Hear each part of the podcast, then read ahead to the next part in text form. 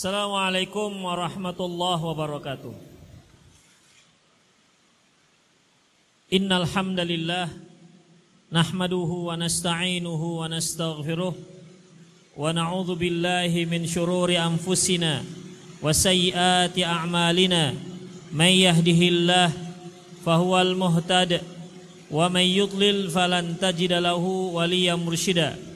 Asyhadu an la ilaha illallah وحده لا شريك له وأشهد أن محمدا عبده ورسوله الذي لا نبي بعده.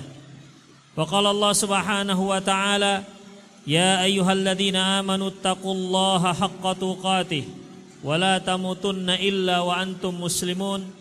يا أيها الذين آمنوا اتقوا الله وقولوا قولا سديدا يصلح لكم أعمالكم ويغفر لكم ذنوبكم ومن يطع الله ورسوله فقد فاز فوزا عظيما يا أيها الناس اتقوا ربكم الذي خلقكم من نفس واحدة وخلق منها زوجها وبث منهما رجالا كثيرا ونساء واتقوا الله الذي تساءلون به والأرحام إن الله كان عليكم رقيبا أما بعد إن أصدق الحديث كتاب الله وخير الهدي هدي محمد sallallahu alaihi wasallam wa syarral umur muhdatsatuha wa kullu muhdatsatin bid'ah wa kullu bid'atin dhalalah wa kullu Mas Bassnya diturunkan. Treble treble-nya aja naikkan suara tengah.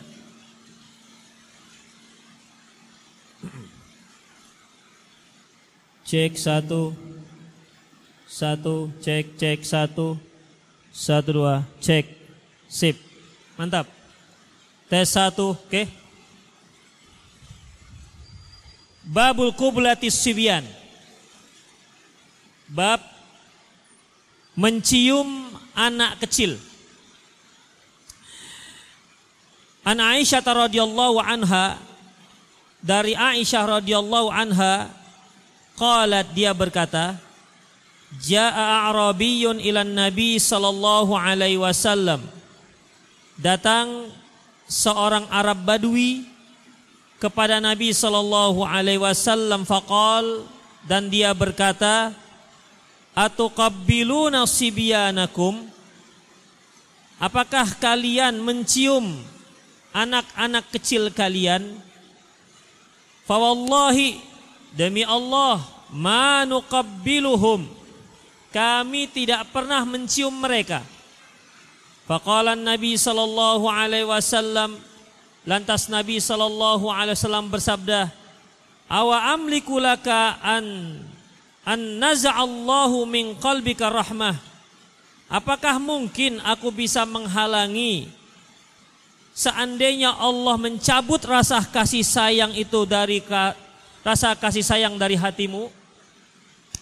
Di sini Imam Al-Bukhari rahimahullah menyebutkan bab ini yaitu mencium anak kecil karena mencium merupakan salah satu adab terhadap orang yang lebih kecil dari kita terutama anak-anak. Karena ikhwatiddin rahimanallahu wa iyyakum mencium itu salah satu tanda kasih sayang. Tanda-tanda kasih sayang seorang kepada orang yang diciumnya terutama pada anak kecil dan menunjukkan bagaimana lembutnya orang tersebut kepada anak tersebut. Dan ini termasuk dalam sabda Rasulullah sallallahu alaihi wasallam, "Laisa minna man lam yarham saghirana wa lam yuwaqqir kabirana." Tak termasuk kelompok kami orang yang tidak mencintai, menyayangi yang lebih kecil dan menghormati yang lebih tua. Artinya, orang yang lebih kecil dari kita sudah sepatutnya kita sayangi. Sudah terpasutnya kita cintai mereka. Dan ini merupakan ciri-ciri umat Rasulullah sallallahu alaihi wasallam. Sampai beliau mengatakan laisa minna. Tidak termasuk kelompok kami. Malam yarham saghirona mereka yang tidak mencinta, menyayangi orang yang lebih kecil Walam yakir kabirona dan tidak menghormati yang lebih tua. Kemudian di sini ikhwatifidin rahimanallah wa iyyakum perlu juga kita ketahui bahwasanya kalau kita lihat bahwa Rasulullah Shallallahu alaihi wasallam orang yang paling yang sangat sayang dan sangat cinta dengan umatnya terutama dengan keluarganya.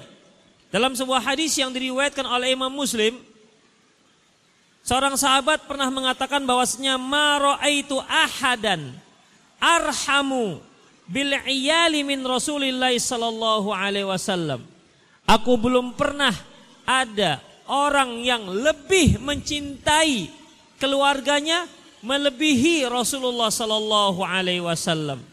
Itulah beliau, seorang utusan Allah pimpinan negara, panglima perang, namun dengan keluarganya, ketika dia berhadapan dengan keluarganya, ketika dia masuk ke rumah istri-istrinya, beliau tinggalkan semua atribut-atribut tersebut. Beliau menjadi seorang ayah, beliau menjadi seorang teman, dan beliau bisa menjadi seorang pembantu bagi keluarganya. Itulah Rasulullah Sallallahu Alaihi Wasallam. Jadi khatibitin rahimani Allah wa iyyakum, Ketika datang orang Arab Badui. Orang Arab Badui ini kalau kita katakan orang yang tinggal di pedalaman, bukan di kota. Biasanya yang tinggal di pedalaman ini sangat sedikit dakwah ke sana. Sedikit sekali ilmu. Jauh dari para duat dan jauh daripada para ulama. Oleh karena itu, mereka sedikit mendapatkan akhlak, sedikit mendapatkan uswah dari orang-orang yang sekitar mereka. Mereka lebih cenderung keras. Hati mereka lebih cenderung kasar. Ya, lebih cenderung kasar. Oleh karena itu Rasulullah pernah mengatakan man bada Java. Barang siapa yang tinggal di pedalaman Java, mereka menjadi orang yang kasar. Karena mereka tidak pernah diajarkan bagaimana sikap lemah lembut terhadap sesama manusia. Mereka tidak pernah mendapatkan akhlak yang baik. Karena apa? Karena tinggalnya di pedalaman. Sampai-sampai dalam sebuah ayat Allah Subhanahu wa taala berfirman surah At-Taubah ayat 97 Al-a'rabu asyaddu kufra wa nifaqa. Sesungguhnya orang Arab Badui itu adalah orang yang lebih parah kekufuran dan kemunafikannya. Ini disebabkan tadi itu jauh dari ilmu. Jauh dari ilmu, jauh dari majelis-majelis ta'lim, jauh dari para ulama. Karena memang apalagi kalau kita lihat orang-orang Badui, orang-orang Arab Badui yang tinggal di pedalaman, mereka itu hidupnya berpindah-pindah nomaden. Tidak menetap. Karena mereka berjalan bersama bersama hewan-hewan ternak mereka. Di mana ada rumputan, di situlah mereka menetap. Apabila rumputannya uh, habis, dia akan cari tempat yang lain. Begitulah ikhwafiddin. Otomatis, otomatis dalam kondisi seperti ini, majelis taklim nggak akan mungkin mereka bisa menghadirinya. Sedikit mereka bertemu dengan para ulama. Sedikit mereka bertemu dengan para tolebel ilmi yang bisa dijadikan sebagai uswah. Yang bisa dijadikan sebagai tauladan bagi mereka. Oleh karena itu Khofiddin, uh, tabiat mereka itu lebih cenderung kepada kasar. Lebih cenderung kepada liar. Ya, liar. Ketimbang lemah lembut apalagi susunan kata yang memang belajar untuk bersopan santun. Itulah ikhwafiddin. Al-a'rabu asyaddu kufra wa nifaqa. Termasuk juga kufur dan nifak ini kita ketahui tentunya dari cara belajar. Dari belajar tahulah kita bahwasanya yang begini kufur, yang begini munafik. Tapi karena mereka jauh dari ilmu, akhirnya asyaddu kufra wa nifaqa. Sangat parah, lebih parah lagi kekafirannya dan kemunafikannya. Wa ajadaru lebih parah lagi Allah ya'lamu huduna ma hududa ma anzalallah. ala rasulihi. Lebih parah lagi, mereka tak tahu hukum-hukum yang diturunkan Allah kepada Rasulullah sallallahu alaihi wasallam. Itulah orang Arab. Nah, semua ikhwatiddin, ya. Tidak semua tidak semua orang-orang Arab Badui itu seperti itu. Karena ikhwatiddin ada di antara mereka orang-orang Arab Badui tapi bagus, ya. Bagus. Namun ikhwatiddin mereka setelah mendapatkan pelajaran dari Rasulullah sallallahu alaihi wasallam. Taib. Jarabiyun ilan Nabi sallallahu alaihi wasallam. Datang seorang Arab Badui kepada Nabi sallallahu alaihi wasallam. Faqala dia berkata, "Atuqabbiluna sibyanakum?" Apakah kalian mencium anak-anak kecil kalian? Pertanyaan ini Khofiddin, pertanyaan ingkari. Bukan jawabannya iya atau tidak. Apa kalian mencium anak-anak kalian? Begitu. Mengapa demikian Khofiddin? Karena mereka tak pernah mencium anak-anak mereka. Ya. Mereka tidak pernah mencium anak-anak mereka. Itu dia. Makanya mereka terheran-heran ketika melihat penduduk Madinah, melihat Rasulullah Sallallahu Alaihi Wasallam mencium anak-anak. Mereka merasa anak-anak dicium. Mereka rasa geli gitu mencium anak-anak. Satu. Atau mungkin merasa bahwa kalau anak-anak itu dicium, itu akan mengurangi wibawa orang tua terhadap anak-anaknya. Ini merupakan ini merupakan satu pemahaman yang jelas sangat keliru. Keliru. Kalau ada yang menyatakan meyakini bahwasanya kalau kita mencium anak-anak kecil kita hilang wibawa kita. Keliru ya Khafidin. Karena ketika kita berhadapan dengan anak-anak itu mereka tak perlu wibawa, tak perlu. Yang mereka perlukan adalah rasa kasih sayang. Mereka ikhafidin anak-anak kecil kalau kita sayangi mereka, mereka terasa, merasa. Makanya kalau sekali dua kali dia tandain kita, walaupun anak-anak, walaupun mungkin masih usia satu tahun, ketika mereka rapat dengan kita, kita sayang mereka, kita cium mereka, mereka tidak akan canggung dengan kita. Berarti mereka merasa merasakan apa yang kita berikan kepada anak-anak tersebut. Dan juga mereka bisa nangis ketika kita ketika dia melihat ini orang kok kasar misalnya ya gendongnya nggak empuk. Kan ada orang yang memang nggak pandai gendong anak-anak. Jadi kalau anak-anak digendongnya sebentar keselio itu anak. Karena nggak pandai gendong. Ada juga akhwat seperti itu nggak pandai gendong. Ya pandainya itu cuman berbeda aja ada yang seperti itu. Gendong anak nggak pandai. Pakai lipstick pandai dia. Ya berbeda pandai. Tapi kalau gendong anak nggak pandai. Masak nggak pandai. Ya. Paling yang pandai masak air lah itulah dia. Itu pun mungkin gosong. Karena ditinggal. Ada yang seperti itu Khafidin. Tapi kalau dandan Masya Allah. Blush on, lipstick, maskara, macam-macam. Bisa. Ada jenis itu Khafidin. Memang orang yang memang senang dengan anak-anak. Baik yang laki-laki maupun yang perempuan. Ada yang senang dengan anak-anak. Ada yang seperti itu. Dan itu nggak dibuat-buat. Ada juga yang dibuat-buat. Karena dia mau menikah, cari-cari jodoh, ketika ada anak, digendong-gendong supaya tahu lah akhwat awak itu senang-senang juga anak-anak. Padahal adik di rumah ditamparinya. Ada yang seperti itu, Khofiddin. Jadi ada juga yang modus, ada yang modus. Demikian di Khofiddin rahimanallahu ayyakum. Tetapi dalam Islam ya, anak-anak itu harus disayang tidak boleh dibentak-bentak. Dan Rasulullah Shallallahu Alaihi Wasallam itu sangat sayang dengan anak-anak, luar biasa. Padahal beliau seorang kepala negara. Kalau beliau berpapasan dengan anak-anak, beliau yang pertama mengucapkan assalamualaikum. Begitu ya Khafidin. Pernah suatu kali beliau berpapasan dengan anak-anak sedang main-main, kemudian beliau mengucapkan assalamualaikum. Kemudian beliau menangkap pintu anak-anak. Ditangkap-tangkapin Rasulullah. Anak pun berlarian gitu, senang dikejar Rasulullah SAW. Coba bayangkan. Nah, pernah antum main alif dengan anak-anak? Nggak pernah kan? Mana ada ustadz main alif dengan anak-anak? Belum pernah ada sejarahnya. Tapi Rasulullah SAW ternyata itu memang idola dari mulai anak-anak sampai orang tua. Itulah Rasulullah. Memang sosok yang luar biasa. Ya, sosok yang yang luar biasa. Itulah Rasulullah sallallahu alaihi wasallam. Kemudian ikhwatiddin rahimanallahu wa iyyakum.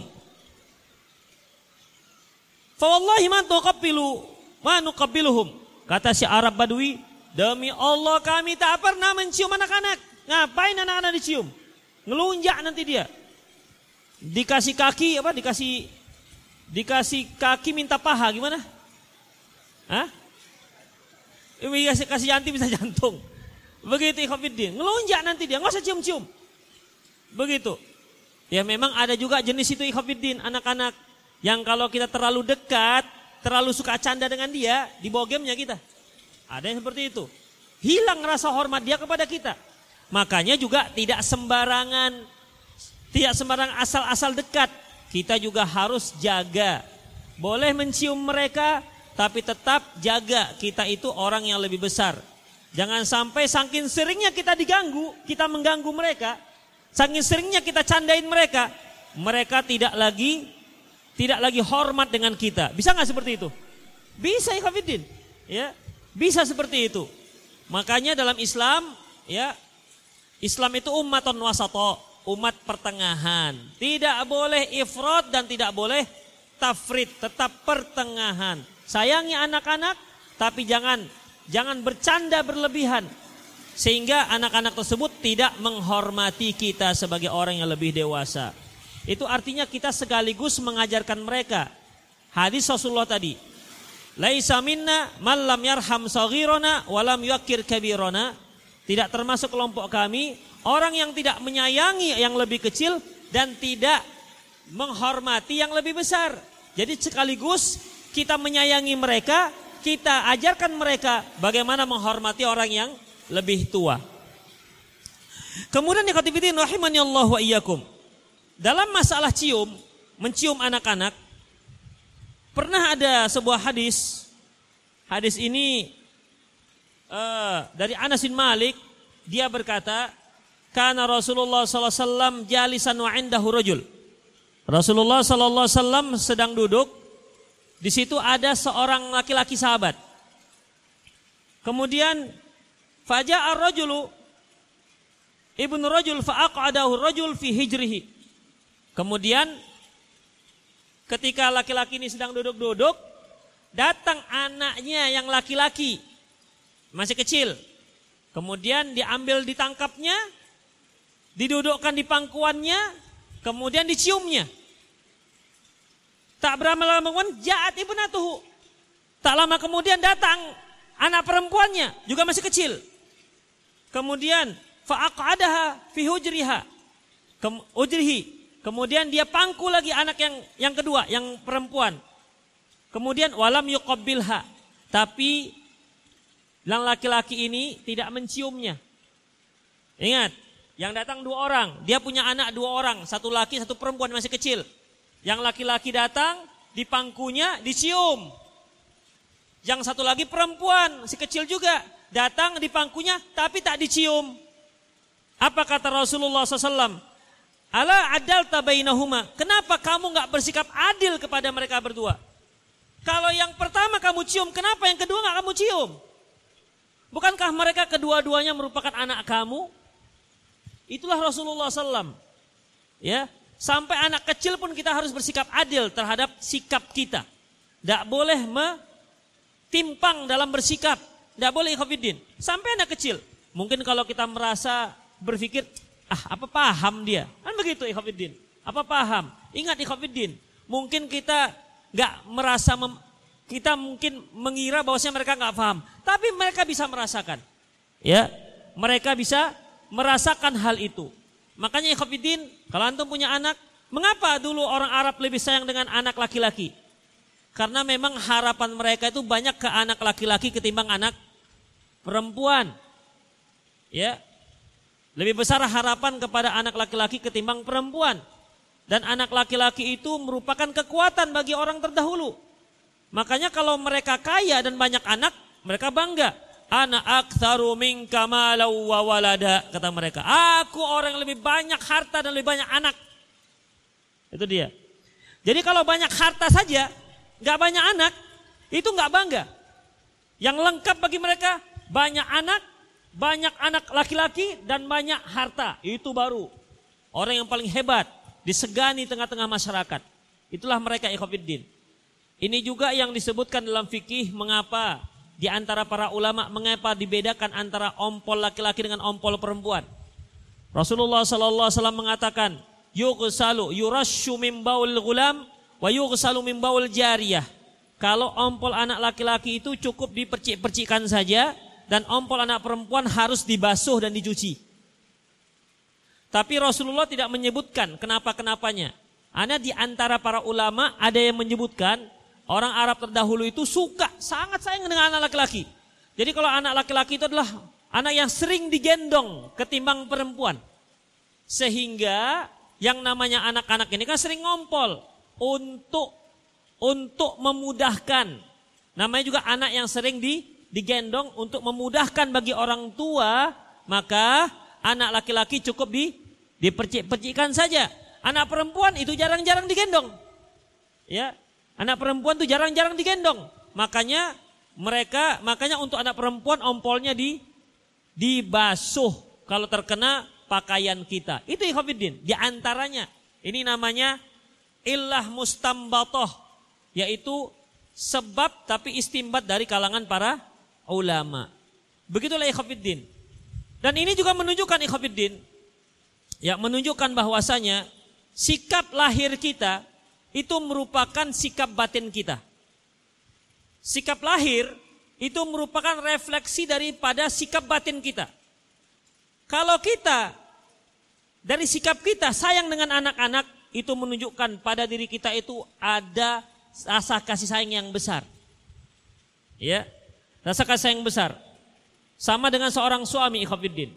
Kalau dia berjalan dengan istrinya, istrinya selalu ketinggalan aja dibuatnya. Udah, itu tanda-tanda dia kurang sayang dengan istrinya. Tapi kalau istrinya tidak pernah, tidak pernah misalnya istrinya berada di belakang, selalu digandeng dengan dia misalnya, itu tanda-tanda ya tanda-tanda dia sangat menyayangi istrinya. Jadi kalau antum melihat ada istri yang di belakang ketinggalan terus, antum jangan nyalip ya. Itu ikhwafiddin, itu tanda-tanda. Ya, tanda-tanda. Itu merupakan refleksi dari dari dari dalam dalam batinnya. Ya. Makanya kalau nggak bisa bareng jalannya, nah ini tanda-tanda ini. Ya, merupakan sebuah tanda-tanda. Beda halnya Kak apa namanya? Ada satu hal lagi. Dia punya anak dua. Ketika berjalan, istrinya satu gendong anaknya, tangannya, satu lagi megang anaknya. Suaminya ngapain? Suami main HP sambil jalan. Itu tanda-tanda juga itu. Itu suami yang harus dikader berat itu.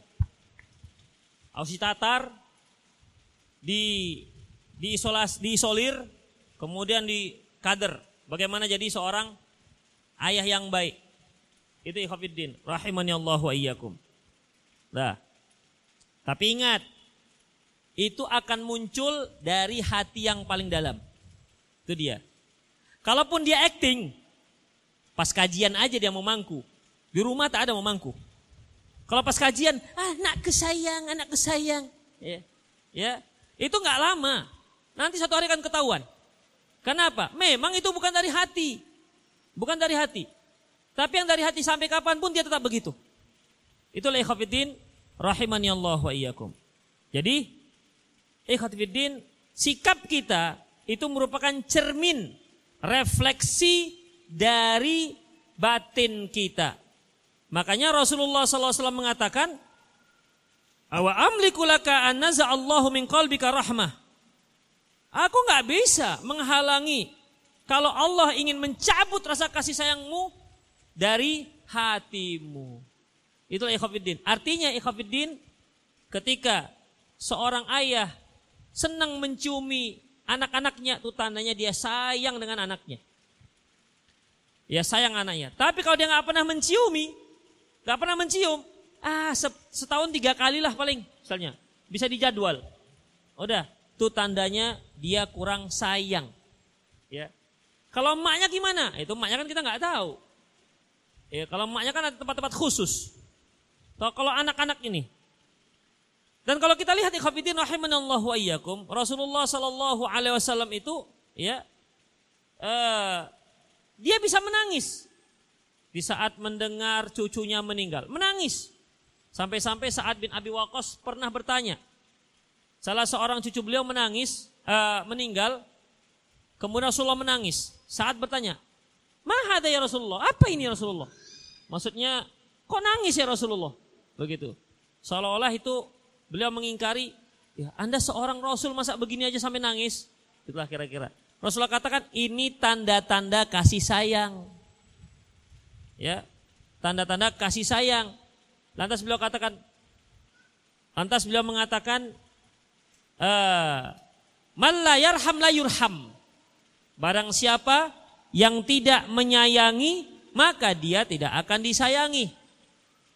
Barang siapa yang tidak menyayangi, maka dia tidak akan disayangi. Syekh Abdul Razak Hafizahullah mengatakan tentang kublah. Kublah itu Khafiddin. Kalau kita kan kata-kata mencium itu ada dua.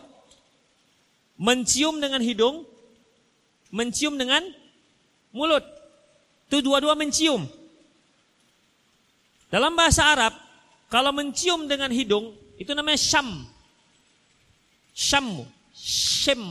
Syam namanya. Mencium dengan hidung. Tapi kalau dengan bibir, itu namanya kublah. Taib. Kata Syekh Abdul Razak bin Abdul Musin Abbad Al-Badr, beliau mengatakan tanda-tanda seorang yang dia ciumannya itu menunjukkan kasih sayang apabila dia berada di atas fitrah. Di atas sunnah fitrah. Apa itu sunnah fitrah? Yaitu mereka yang merapikan kumisnya. Udah. Karena banyak kaum muslimin ada manusia-manusianya di mana kumisnya itu dibiarkan panjang sampai menutupi bibir atas. Ya kan? Sehingga kalau minum kopi nggak perlu saringan. Sudah tersaring dengan kumis. Baik. Kalau seorang merapikan kumisnya, tentunya bibirnya kelihatan. Dengan demikian, kalau dia mencium anaknya, mencium anaknya, bibirnya terkena ke pipi. Atau bibirnya terkena ke bibir si anak. Dia merasakan kelembutan itu. Tapi coba kalau kalau kumisnya itu panjang sampai menutupi bibir atas, itu dia nggak merasakan kasih sayang. Tapi merasa malah menyakiti. Apalagi tengok begitu cium, eh, Tengok kumisnya. Demikian ikhwatiddin. Ya, ini yang disebutkan oleh Syekh Abdul Razak bin Abdul Musin Abbad uh, hafizahullah. Ikhwatiddin rahimani Allah wa iyyakum. Kemudian dan hadis ini juga menunjukkan keutamaan mencium anak-anak. Ya. Keutamaan mencium anak-anak. Dan menunjukkan juga sebagai apa namanya? sebagai contoh ataupun sebagai celaan terhadap para orang tua yang tidak mencium anaknya. Ya, pada orang tua yang tidak mencium anaknya. Mengapa demikian? Rasulullah katakan, apa kamu nggak khawatir kalau Allah mencabut rasa kasih sayang dari hatimu? Kalau seorang sudah dicabut oleh Allah rasa kasih sayang di hatinya, otomatis akan yang muncul tuh hanya kekasaran, hilangnya kelembutan.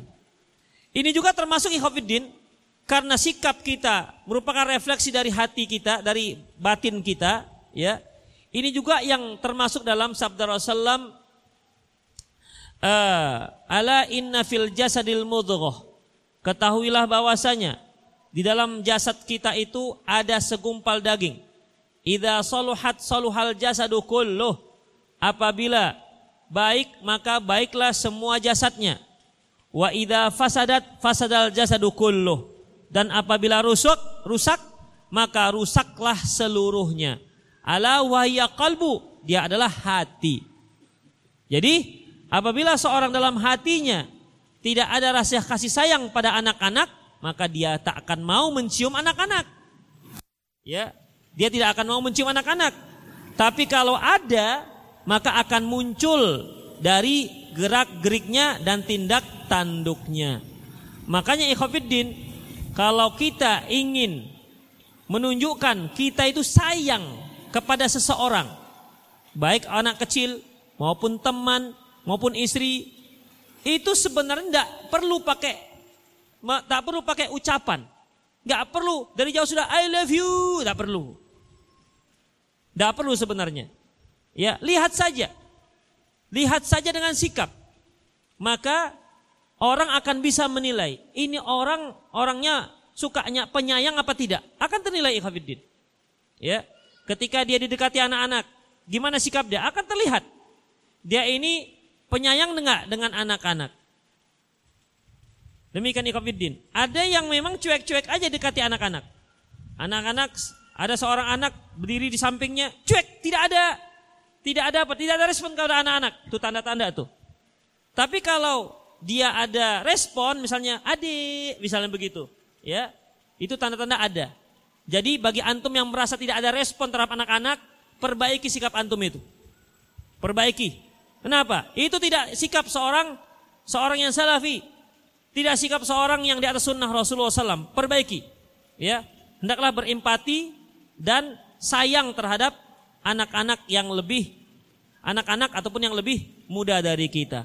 Itulah ikhwatiddin rahimanallahu wa iyyakum.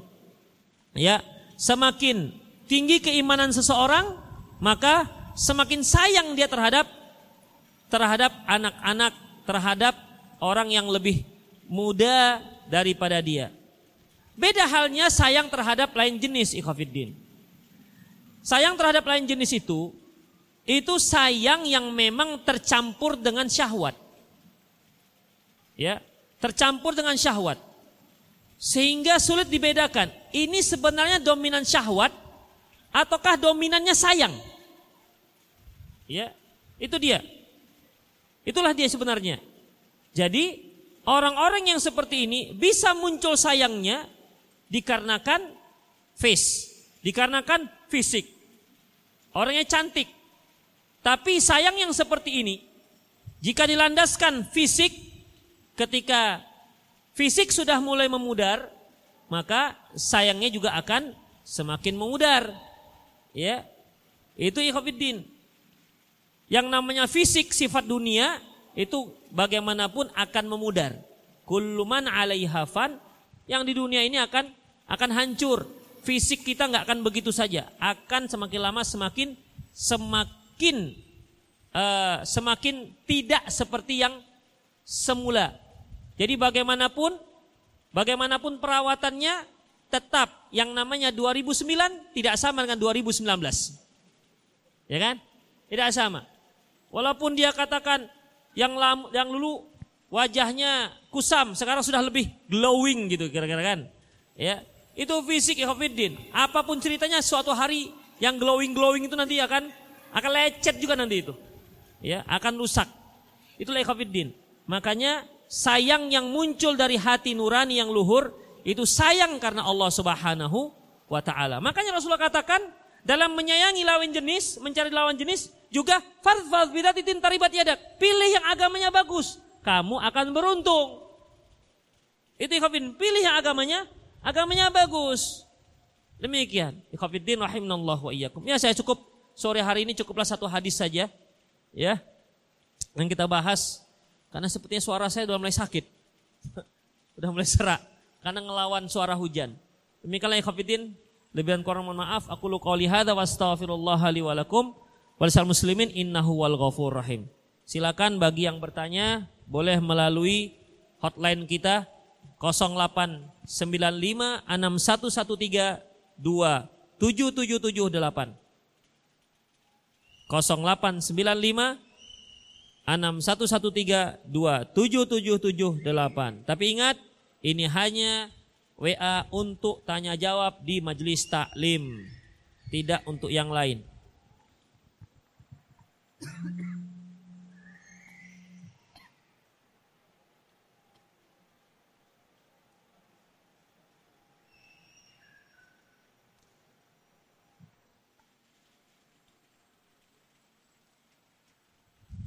Iya, udah langsung banyak, insya Allah.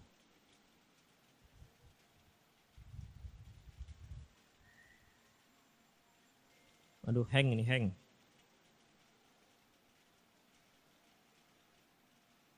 Taib. Assalamualaikum Ustaz. Masya Allah. Panjang kali ha. Satu double plio. Jangan panjang-panjang lah akhwat. Habis waktu kita. Saya baca yang lain ya.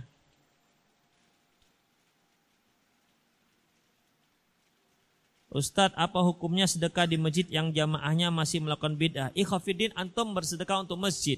Mengenai jamaahnya itu urusan mereka. Ya. Mengenai jamaahnya itu urusan mereka. Bukan berarti antum ketika memberi sumbangan kepada masjid berarti antum ikut ta'awun membantu kebidaahan tidak. Ya, tidak.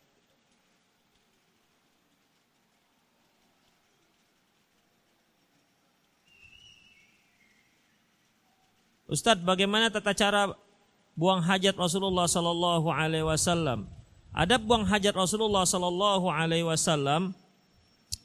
Pertama mulai dari masuk ke dalam WC dengan melangkahkan kaki kiri terlebih dahulu. Sebelumnya ucapkan apa? Allahumma inni a'udzubika minal khubusi wal khaba'is. Tapi sebelumnya ucapkan bismillah. Bismillah Allahumma inni a'udzubika minal khubuthi wal khaba'is minal khubuthi wal khaba'is karena bismillah itu untuk menutupi aurat kita ketika kita membuka aurat dalam WC. Karena nggak mungkin kita ke dalam WC itu nggak buka aurat. Gimana caranya? Apa ada resleting khusus? Resleting khusus begitu. Tetap terbuka juga. Demikian ikhwatiddin. Jadi dengan membuka aurat, dengan membaca bismillah, maka aurat kita akan tertutup dari pandangan jin. Itu dia. Kata bismillah. Bismillah. Allahumma ini a'udzubika min khusyul khabais. Kemudian ya jongkok. Jongkok. Kalau dia WC duduk jangan jangan jongkok. Ya. Kalau WC WC duduk antum jangan jongkok di situ. Marah yang punya WC. Udah. Jongkok. Kemudian tepatkan di lubang. Jangan di luar lubang.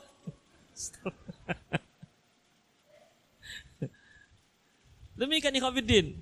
Jadi hanya itu saja.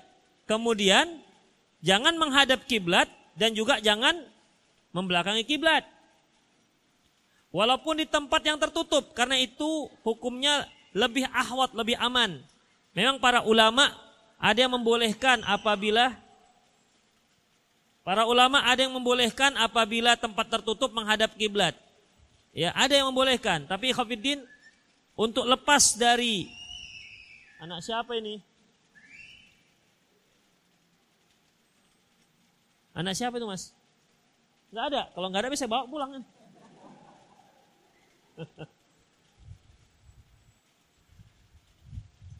Memang para ulama ada yang mengatakan boleh, tapi khafiddin agar kita terlepas dari khilafiyah para ulama, jangan menghadap kiblat dan jangan membelakangi kiblat. Itu saja. Udah? Antum banyak-banyaklah keluarkan. Udah. Kemudian kemudian keluar, sudah.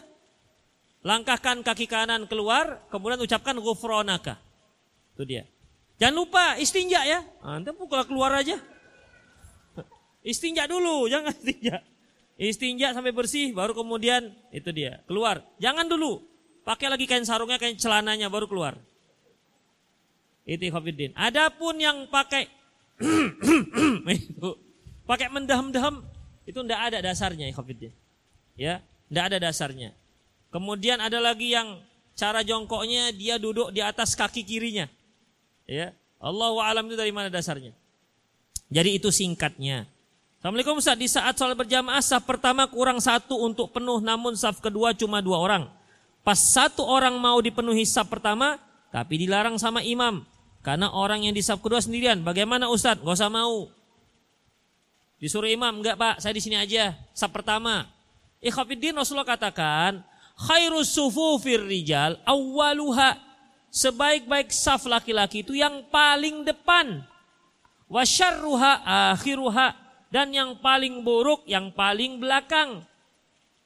Jadi saf yang paling bagus pertama, nomor dua, tiga, dan keempat. Dan ingat, di saf pertama itu ada yang lebih bagus, yaitu yang sebelah kanan. Makanya para sahabat itu berlomba dengan yang sebelah kanan. Tapi bukan berarti menyusun saf itu kanan dulu. Enggak, tetap dari tengah. Ya, kalau antum ada peluang kanan, ambil kanan. Itu dia. Ada sebuah hadis Rasulullah mengatakan innallaha yusalluna ala ala mayani mayani mayamini uh, saf. Sesungguhnya Allah itu bersalawat kepada saf-saf yang sebelah kanan. Tapi ada ulama yang mendoaifkan ini. Itu Para sahabat suka di sebelah kanan karena kalau Rasulullah setelah sholat menghadap ke sebelah kanan dia. Itu ikhafin. Allahu alam bis sawab.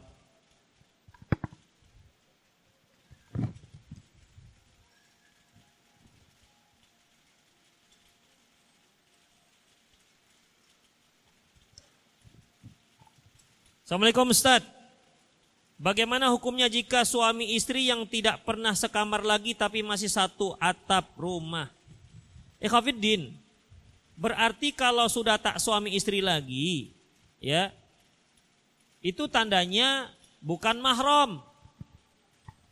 Kalau dia bukan mahram, berarti pertama, tidak boleh suami tersebut menampakkan auratnya kepada si perempuan, si mantan istrinya. Si istri juga tak boleh menampakkan auratnya di hadapan mantan suaminya. Jadi nggak boleh dia lagi keluar dari kamar hanya pakai anduk doang masuk ke dalam WC. Sementara itu ada laki-laki yang mantan suaminya yang bukan suaminya lagi. Ya, nggak boleh pakai anduk saja. Si suami juga tak boleh dia keluar kamar hanya pakai sempak aja masuk ke dalam dalam WC, nggak boleh. Ya, karena itu aurat. Itu yang pertama. Yang kedua, yang kedua, tidak boleh khalwat. Misalnya adalah di ruangan tamu yang satu main HP, yang satu main HP, berduaan. Nggak boleh lagi. Tapi Ustadz kan nggak ada yang namanya rasa-rasa. Walaupun sudah mati rasa, sudah mati rasa, tetap tidak boleh berduaan. Ya, karena Rasulullah katakan, layak keluar nalmar atu, layak keluar rajul bi imratin illa thalithuhum syaitan. Tidaklah seorang wanita, seorang laki-laki berdua-duaan dengan seorang wanita kecuali yang ketiganya setan. Jadi nggak dibolehkan.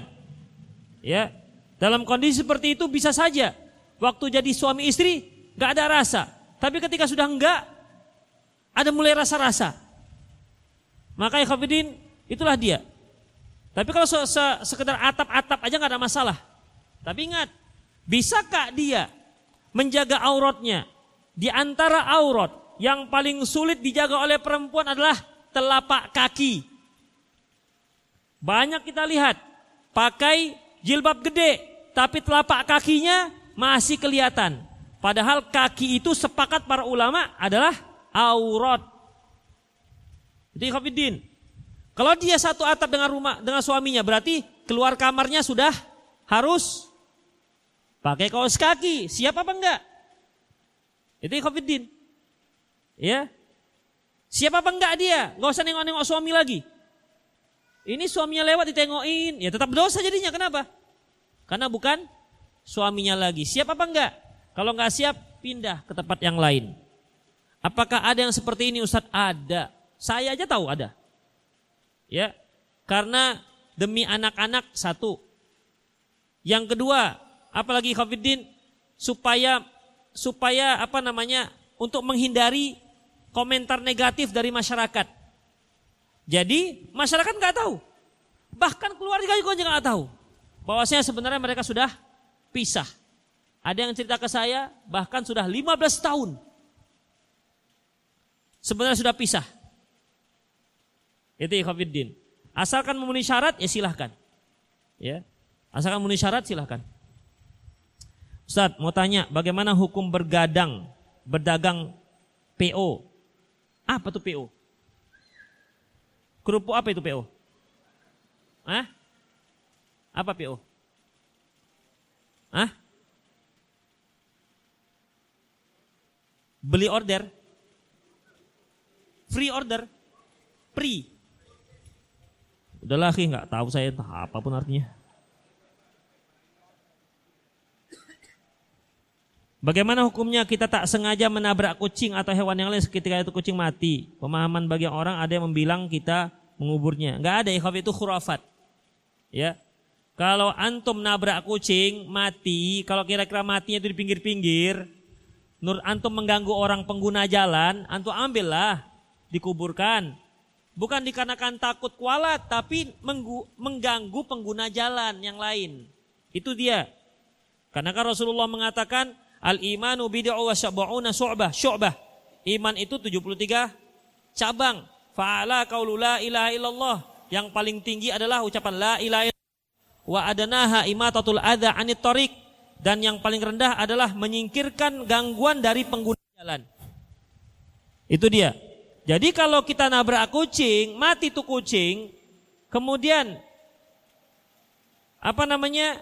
Ya antum ambil, kemudian disingkirkan di tempat tempat ya, kalau dipinggirkan aja udah, yang penting tidak sampai mengganggu pengguna jalan. Tapi harus antum harus buka kaosnya harus dibuka, kemudian dikafankan dengan bajunya. Nanti kalau nggak begitu dia bisa kualat. Ini khurafat. Berapa banyak nabrak kucing turun dari mobil, tapi nabrak orang lari turun. Saya pun heran. Padahal lebih kualat orang. Orang itu ditabrak ada masalahnya nanti. Dia punya keluarga, punya segala macam. Kucing tak punya keluarga. Jangan-jangan jandanya dia nggak punya anak. Itu kucing. Atau jangan-jangan masih jomblo. Kalaupun mati dia nggak ada yang nangisin. Iya kan? Demikian ikhwafiddin. Jadi itu khurafat semuanya. Tidak ada dalam dalam hadisnya.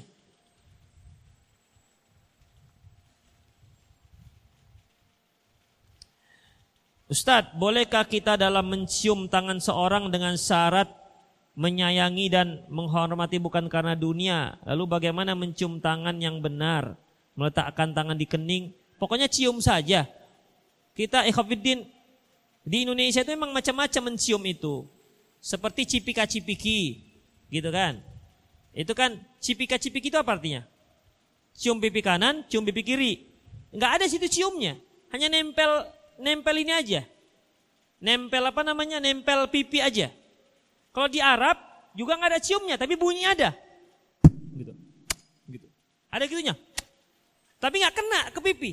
Sekedar nempel di pipi, tapi bunyinya ada. Nah gitu. Jadi khafidin. Ya. Jadi kalau mencium, ya dicium tangannya, udah. Kalau kalau seandainya salah satu penghormatan cara taruhkan tangan di pipi ya silahkan nggak ada masalah. Yang terpenting di situ adalah orang itu merasa dia dihormati oleh kita, nggak masalah ikhwatiddin. Ya, ya tentunya orang-orang yang yang apa namanya, yang memang layak kita lakukan seperti itu dan dibolehkan. Adapun guru yang nggak mahram, guru misalnya guru SMA, dengan murid-muridnya yang sudah gadis-gadis. Taruh apa namanya dipegang. Salaman aja sudah nggak dibolehkan. Karena Rasulullah katakan li ayyota'ana ra'su rajulun bi mikhyati min hadid khairun lahu min khairun min ayyamussa imratan ajnabiyah. Sungguh kepalanya itu ditusuk dengan besi lebih baik ketimbang dia menyentuh wanita yang bukan mahramnya. Itu dia. Ya, jadi menghormati guru dengan cara bersalaman tuh gak dibolehkan. Kalau gurunya bukan mahram. Kalau gurunya bukan mahram. Dan sementara ini sudah pada balik semua, maka nggak dibolehkan. Walaupun niatan kita adalah penghormatan. Tapi Ustadz guru guru saya itu sudah 70 tahun. Jangankan 70 tahun, 80 tahun pun nggak boleh. Tapi Ustadz itu guru nggak ada rasa apa-apa lagi, ya, belum tahu dia.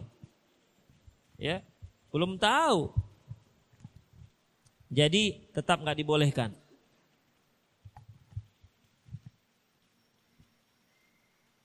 Ustadz, mau bertanya mengenai masalah kalau kita pergi berumroh. Di raudohnya apa harus kita lakukan? Bolehkah di situ kita sholat baca Al-Quran? Karena di situ katanya tempat makbul doa. Khafiddin di situ Rasulullah wasallam mengatakan baina baina baiti wal mimbari raudhatun min riyadil jannah. Di antara, antara rumahku dan mimbarku itu adalah sur, salah satu taman-taman surga. Jadi orang yang ada di situ, yang beribadah di situ, dia seperti beribadah dalam surga. Jadi keutamaannya di situ hanya saja di saat sholat berjamaah tetap yang lebih utama di saf yang pertama. Itu dia. Seorang yang berdoa di situ maka dia seperti berdoa dalam surga. Dan diharapkan dia juga ikut nanti masuk ke dalam surga. Itu ikhwafiddin. Jadi kalau di situ mau baca Quran ya silahkan. Doa silahkan. Tapi memang sekarang nggak dibolehkan lagi lama-lama. Nggak seperti dulu. Yang sudah cup, udah seharian dia di situ ndak. Sekarang sistemnya masuk raudhah itu sistem buka tutup. 10 menit yang sudah masuk diusir. Sudah kosong dibuka. Masuklah yang kloter keduanya. Tutup lagi. Udah. Sudah selesai usir lagi begitu. Jadi manfaatkanlah sholat dua rakaat kalau bersisa silakan berdoa di situ, nggak ada masalah.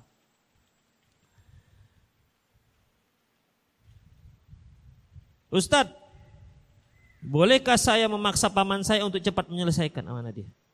Ustadz, bolehkah saya memaksa paman saya untuk cepat menyelesaikan memberi hak waris saya karena saya ingin melaksanakan umroh? Boleh, ada masalah. Itu hak antum.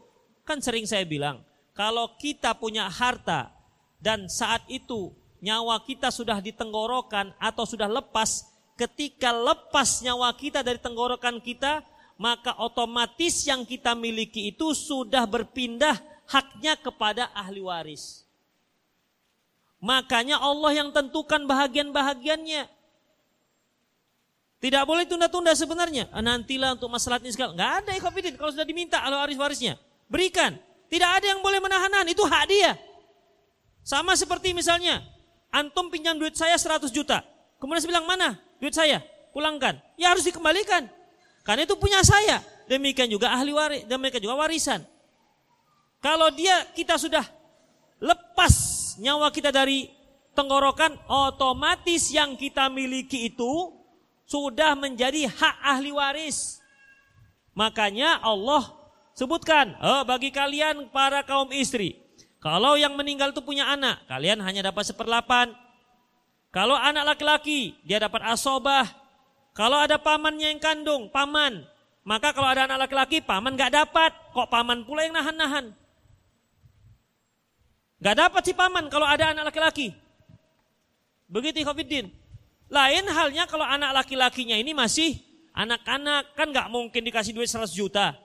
Nanti dibelikan kerupuk semua. Itu ikhafiddin. Jadi tetap maslahatnya maslahat kepada si si anak. Itu dia. Kecuali kalau di sana ada hutang. Maka hutang si mayat diselesaikan dulu.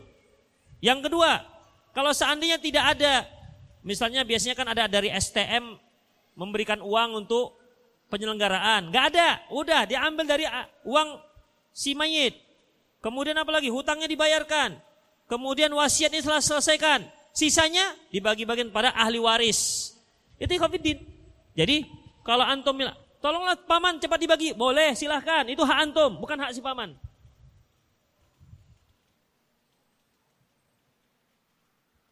Ustadz, bolehkah bekerja di tempat perawatan hewan peliharaan? Pekerjaan ini dimandikan anjing peliharaan, titipkan. Hai Hafidin, kau salah antum Mandi-mandikan anjing ya Allah. Ya. Anjing itu najis. Ya. Jadi tidak usahlah bekerja seperti itu. Kalau kucing masih mendingan. Ya kalau kucing masih mendingan. Anjing yang dimandi-mandikan itu umumnya anjing anjing rumahan, anjing yang di salon, dikeritingkan, dipakai baju. Khofiddin, itu anjing yang kalau kita pelihara di rumah kita manik tanah kalban. Barang siapa melihara anjing maka setiap hari berkurang pahala kita satu kirot. Satu kirot itu sama dengan sebesar gunung Uhud.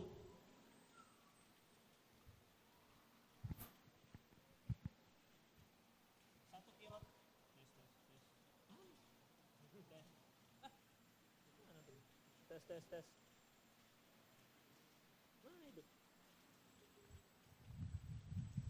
Satu kilo itu sama dengan sebesar gunung gunung Uhud. Jadi tidak usahlah kerja di situ. Apa haram Ustadz? Saya nggak berani katakan haram. Ya, nggak berani katakan haram. Kalau dikatakan haram juga dilarang juga bisa karena itu anjing yang nggak boleh dipelihara. Anjing yang boleh dipelihara itu anjing yang anjing yang berburu. Tapi kan biasanya anjing-anjing rumahan. Atau antum gini aja, antum sip calis mandikan kucing gitu aja udah. Ya kalau antum sebagai pegawai bilang ke atasan, Pak saya bagian khusus kucingnya Pak ya. Gak apa-apalah gaji saya sebulan rendah-rendah gak apa-apa, 3 juta gak apa-apa sebulan, tapi khusus kucing aja. Udah gitu.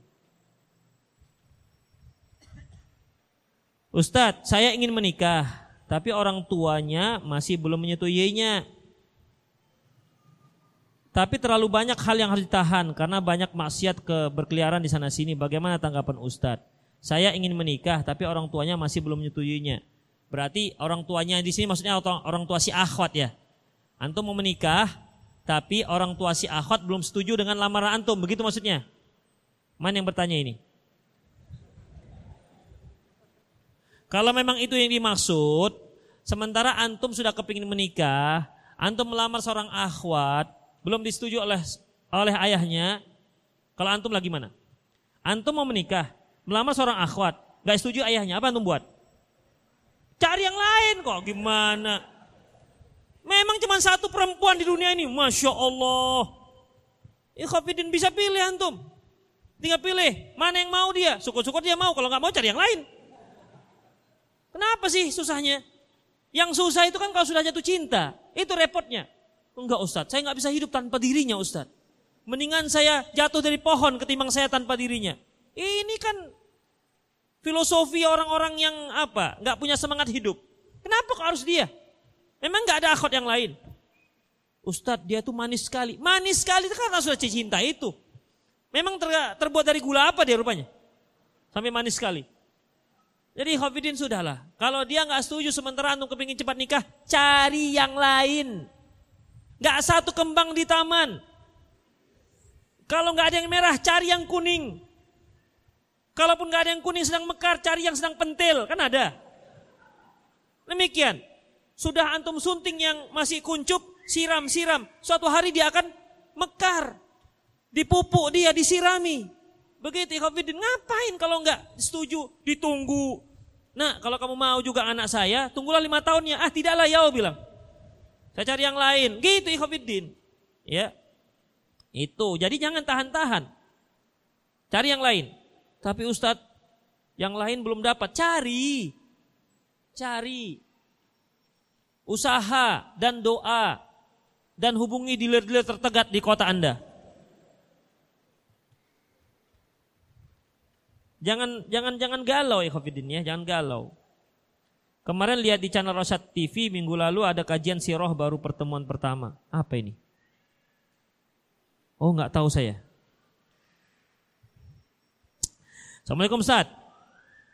Mohon kepada Ustaz untuk menjelaskan hukum dari musik. Antum lihat saja di YouTube ada tiga udah kajian saya di situ.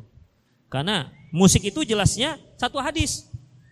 Saya kuna min ummat yastahillunal yastahillunal hir wal harir wal wal khamar wal ma'azib. Nanti akan muncul kaumku yang menganggap halal, yang menghalalkan zina, sutra, khamar dan musik. Berarti Khafidin kalau dikatakan yang menghalalkan musik, berarti hukum asalnya haram. Yang menghalalkan khamar, berarti hukum asalnya haram. Adapun Ibnu Hazm rahimahullah yang mendoaifkan hadis ini karena dikatakannya Ammar bin Hisham tidak bertemu, Imam Bukhari tidak bertemu dengan Ammar bin Hisham. Ini pernyataan yang keliru dari Ibnu Hazm rahimahullah. Karena hadis ini diriwayatkan oleh Imam Bukhari. Dan semua para ulama sepakat bahwasanya benarnya Imam Bukhari, bukan Ibnu Hazm. Dan mengenai musik haram itu Ikhwanuddin sudah sepakat para ulama empat. Tapi itulah kita kalau udah udah susah untuk mencabut musik, cari-cari yang mana ulama yang ulama Imam Syafi'i mengatakan sudah haram. Carilah yang bermadhab Syafi'i. Oh dapat. Berkata Al-Banjari. Al-Banjari mengatakan halal. Cari-cari. Masya Allah. Mana yang mengatakan halal? Kalau antum mencari-cari yang halal, ikhafiddin, mut'ah itu juga ada yang menghalalkan. Dari kalang alusunnah ada. Assalamualaikum Ustaz. Saya mau tanya, kan bapak saya masih merokok Ustaz. Kok merokok Ustadz? Mau tanya Ustadz, kan bapak saya masih merokok Ustadz. Oh, masih merokok Ustadz. Dan kadang bapak ana menyuruh ana membelikan rokoknya, apakah ana harus mentaati perintah? Tidak. Enggak, jangan. Wata'awanu 'al birri wat taqwa wa la ta'awanu 'al itsmi wal 'udwan.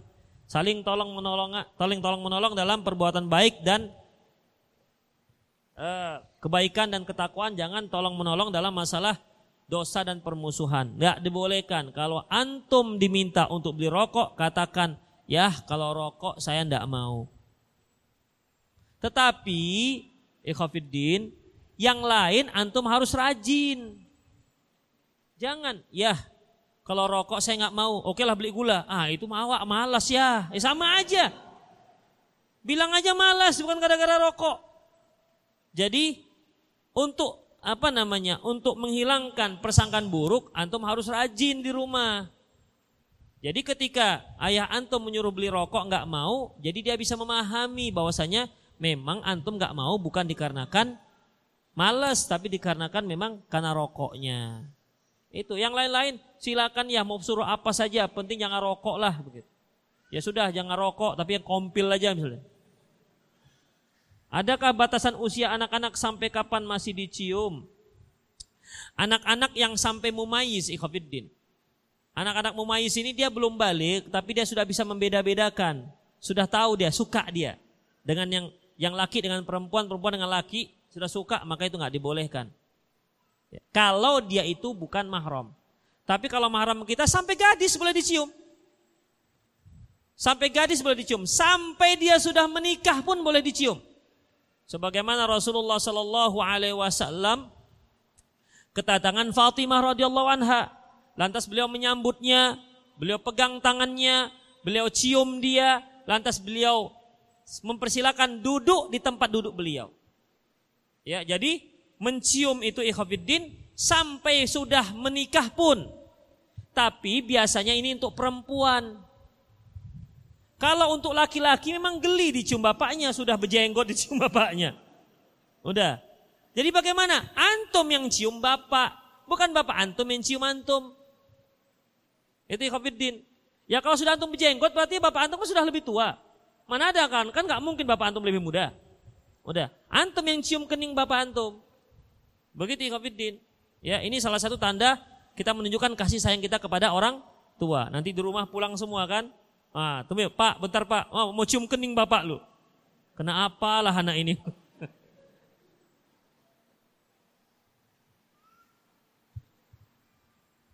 Bagaimana hukumnya jual botot? Apakah uang hasilnya termasuk halal? Ya kalau bototnya botot yang yang memang halal silakan, tapi kalau bototnya botot hasil curian, pagar orang dijual. Iya, saya pernah kehilangan pintu pagar, pintu pagar sekolah. Pagi-pagi loh, mana pintu pagarnya hilang? Ya, itu. Jadi ya nggak dibolehkan itu sudah penadah namanya. Tapi kalau yang halal nggak masalah. Assalamualaikum Ustaz. Ana Rudi dari Pekanbaru mau tanya apa saja yang perlu dilakukan oleh seorang pendidik orang tua agar dia selalu memperoleh kesabaran, tidak mudah marah dan mendidik anaknya. Jazakallah khairan. Aduh, antum bertanya susah-susah ini. Ikhwafiddin, rahimani Allah wa iyyakum agar mendidik anak tidak emosi. Itu bagaimana? Pertama antum doa kepada Allah agar Allah memberikan solusi kepada kita agar tidak cepat emosi. Yang kedua, yang kedua, ketahuilah orang tua itu juga hanya tugasnya mendidik. Adapun hasil itu dari Allah dari Allah Subhanahu wa taala kita mendidik anak itu berharap apa? Berharap pahala dari Allah Subhanahu wa taala. Itu Khafiddin. Makanya kalau kita marah sampai melewati batas, tidak pahala yang kita dapat, tapi malah dosa yang kita dapat. Makanya Rasulullah katakan, suruh anakmu sholat usia tujuh tahun. Pukul dia kalau sudah berusia sepuluh tahun. Itulah dia caranya. Ya, itulah dia caranya. Jadi ikhatifiddin rahimani Allah wa iyyakum ketika mendidik anak kita berharap pahala dari Allah Subhanahu wa taala. Jadi tidak usah marah kalau seandainya tidak sesuai dengan apa yang apa yang kita kita inginkan. Ya bisa saja tidak sesuai, mungkin dikarenakan dia malas, ya. Dia malas, coba introspeksi diri kita. Mungkin kita dulu atau mungkin kita kurang dalam memberikan memberikan spirit, kurang memberikan hadiah kepada anak-anak. Karena anak-anak itu tidak tidak tidak bisa hanya kita disuruh, tapi beri dia hadiah. Mungkin cara kita belum mengena, belum mengena di hatinya. Namanya juga anak-anak, kasih dia hadiah. Itu dia, itu dia antaranya. Allahu alam bisawab. Ikhafidin karena sudah ada yang nangis, maka Iya kasihan itu yang orang tuanya kan. Nanti nggak bisa mendekapnya gitu kan udah. Demikian ikhafidin rahimani Allah wa iyyakum. Afan belum bisa banyak terjawab ini banyak sekali yang masuk. Semoga apa yang kita bahas bermanfaat. Insya Allah kita sambung pada kajian yang akan datang. Masih dalam masalah satu hadis lagi terkait dengan masalah bab mencium anak-anak. Demikian aku lu qauli hadza wa astaghfirullah li wa Walisal muslimin innahu wal rahim. Subhanakallahumma wa bihamdik asyhadu an la ilaha illa anta astaghfiruka wa atubu ilaih. Wa akhiru da'wana alhamdulillahi alamin. Assalamualaikum warahmatullahi wabarakatuh.